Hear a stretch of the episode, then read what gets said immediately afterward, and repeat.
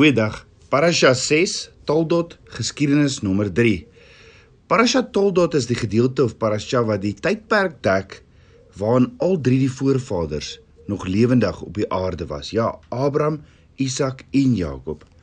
Ons het gesien Isak en Rebekka het 20 jaar gewag vir Esau en Jakob, hulle seuns. Isak was 60 jaar oud toe Jakob en Esau gebore is en hulle oupa Abraham was in die bevoordeelde posisie ja om hulle te sien opgroei totdat hulle tieners was. Maar hoor gou weer wat staan in Genesis 25 vers 22. En die Here het haar geantwoord: Twee nasies is in jou skoot en twee volke sal vir mekaar gaan gaan uit jou liggaam en die een volk sal sterker wees as die ander volk en die oudste sal die jongste dien. So 'n vader gee vir Rebekka 'n profetiese woord oor die ouer sal die jonger dien. En wat beteken dit? Want dis ook 'n prentjie vir ons. Want die siel is die ouer een in ons en die gees die jonger een. Jy sien jou gees, die jonger een is veronderstel om te reg, regeer oor jou siel, die ouer een. Die ouer een moet die jonger een dien. Jou siel wat jou emosies, jou gedagtes en jou wille kom lewendig mos die dag as jy as jy gebore word uit jou ma as jy gebore word as 'n babatjie dan die dag as jy gered word en tot wedergeboorte kom sê Paulus in Kolossense 2 vers 13 en julle wat dood was deur die misdade en die onbesneenheid van julle vlees het hy saam met hom lewend gemaak deurdat hy julle al die misdade vergeef het Met ander woorde, jou gees word lewendig die dag wat jy gered en tot wedergeboorte gekom het. Waar jou siel daar is van jou geboorte af. So as jy eers tot wedergeboorte gekom het op 32, was jou siel in beheer vir 32 jaar. So jou siel is die ouer een. Tot en met 32 het jy geleef met jou siel in beheer en jy was verskriklik selfgesentreerd maar toe jou gees in jou lewendig word na jy gered is, na wedergeboorte is, toe sê jou gees vir jou siel ek is dalk die jonger een, maar ek is nou in beheer en jy sal my dien. So jy gaan doodgaan aan selfgesentreerdheid in die eie ek en Abba Vader se asem, sy Heilige Gees gaan nou binne in jou heers. Nou kan jy dink hoe reageer jou siel op daardie dag? Ja, hy gooi 'n tantrum want jou siel wil doen wat hy nog altyd wil doen en nie Abba Vader se wil nie. Met ander woorde, die ouer een in my, my siel sal my nuwe, my gees dien. En dan sê Genesis 25 vers 23 en die Here het haar geantwoord: Twee nasies is in jou skoot en die twee volke sal vir mekaar gaan uit jou liggaam en die een volk sal sterker wees as die ander een en die oudste een sal die jongste dien. Met ander woorde, dis 'n geestelike beginsel na wat Vader se woord. Wat is hierdie geestelike beginsel? Dat jou gees moet regeer oor jou siel. So hier is wat jy doen. Jy moet jou gees toelaat om vir jou siel, jou emosies, jou wil en jou gedagtes te sê: "Wees nou stil." Wat het Abba Vader vir Rebekka nou weer gesê? Wie sal wie dien? Die ouer broer sal die jonger een dien, nê? Nee. Rebekka het 'n profetiese woord van Abba Vader afgekry dat Esau sal Jakob dien.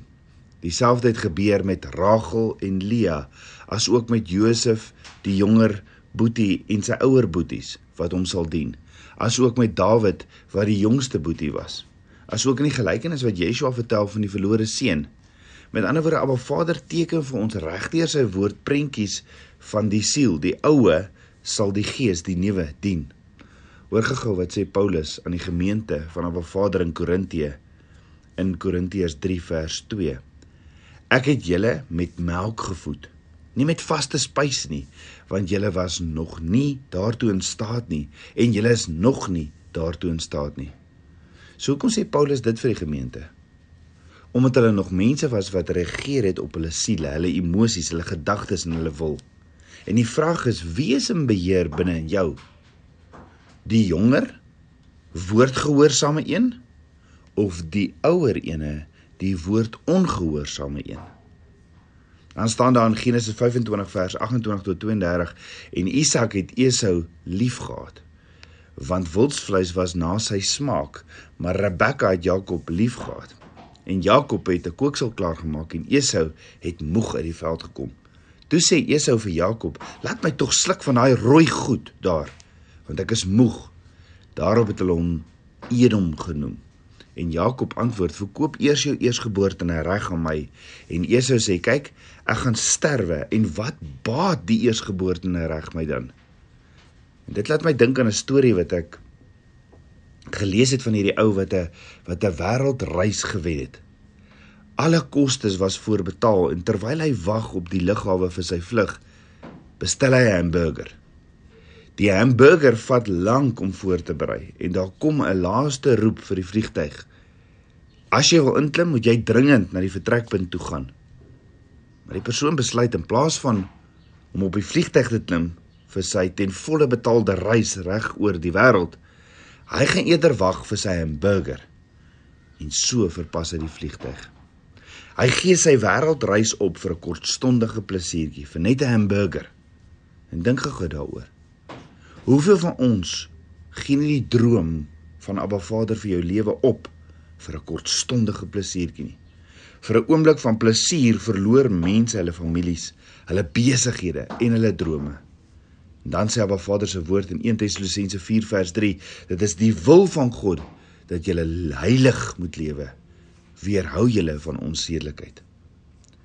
'n Tydperk het verloop in by Esau en Jakob En daar staan toe in Genesis 27 vers 1 tot 4: Toe Isak oud geword het en sy oë swak was, sodat hy nie kon sien nie, het hy sy oudste seun Esau geroep en vir hom gesê: "My seun."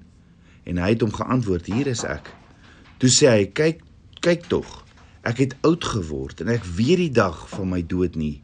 Neem dan nou tog jou wapens, jou pylkoker en jou boog en gaan in die veld en jag vir my 'n stuk wild en maak vir my lekker ete klaar sodat ek dit graag soos wat ek dit graag wil hê en bring dit vir my om te eet sodat my siel jou kan seën voordat ek sterwe.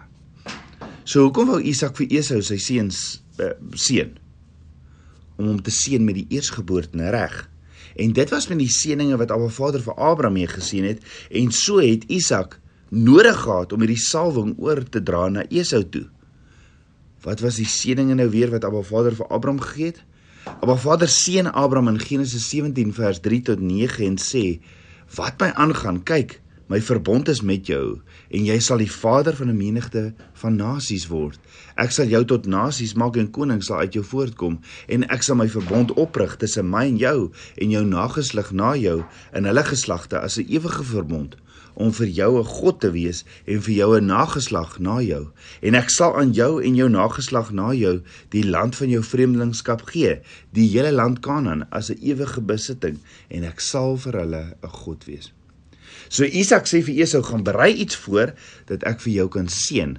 Rebekka sy mamma hoor dit en wat doen sy toe? Sy gaan roep vir Jakob en sê vir hom die tyd het aangebreek jy moet by jou pa Isak ingaan hy moet jou seën So hoekom doen Rebekka dit? Onthou Rebekka het 'n profetiese woord van haar vader ontvang toe sy swanger was met Esau en Jakob. Rebekka het ook goed geweet dat Esau sy eersgeborene reg verkoop het aan Jakob vir 'n kortstondige plesiertjie, vir 'n bakkie lensiesop aan Jakob. Met ander woorde, wettiglik moes Esau eintlik dadelik vir sy pa Isak gesê het: "Hoorie pa, ek het nog nie hierdie met pa gedeel nie, maar maar pa, so 'n paar dae terug toe ek van die veld af gekom het, sjoe pa, ek ek ek was heavy honger gewees, hoor. En toe pa het het, het Jakob hierdie amazing lekker sop gemaak.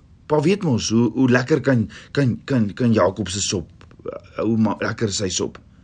En pa, ek het hierdie sop in die veld geryk en en en toe ek nader stap toe was ek net so so honger. Toe gee ek vir Jakob my eersgeboorte en reg vir die sop want want Jesus pa ek was ek was so honger. So pa moet nie my seën nie, pa moet Jakob eintlik seën en nie vir my nie. Maar Esau doen nie dit nie. En ons weet Rebekka roep vir Jakob en sorg dat die regte ding wettiglik en profeties gebeur. Met ander woorde, wettiglik het Jakob die eersgeborene reg gekoop deur 'n transaksie en sy ma Rebekka sit met hierdie profetiese woord wat sy ontvang het van van die oudste sal die jongste dien. Maar voor ons verder gaan, wat is 'n profesie? Dis 'n woord uit die geestesriem waar Abba Vader dit gespreek het wat in die natuurlike riem gespreek word. Daar is byvoorbeeld oor die 3500 profeseë in die Ou Testament oor Yeshua se koms. Almal van hulle is gegee in die geestesriem en gespreek in die natuurlike riem wat toe gemanifesteer het in die natuurlike.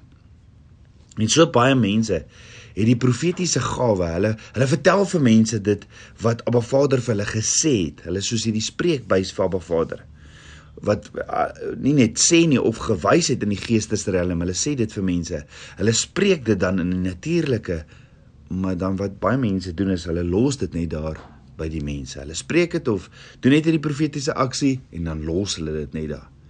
Jy sien as jy die gawe ontvang het om 'n profetiese woord vir iemand te gee, dan het jy ook leer Abba Vader my 'n verantwoordelikheid om saam met hierdie persoon te stap in gebed na hierdie woord van Abba Vader toe wat gaan manifesteer in die natuurlike. Met ander woorde, 'n profeet het 'n verantwoordelikheid.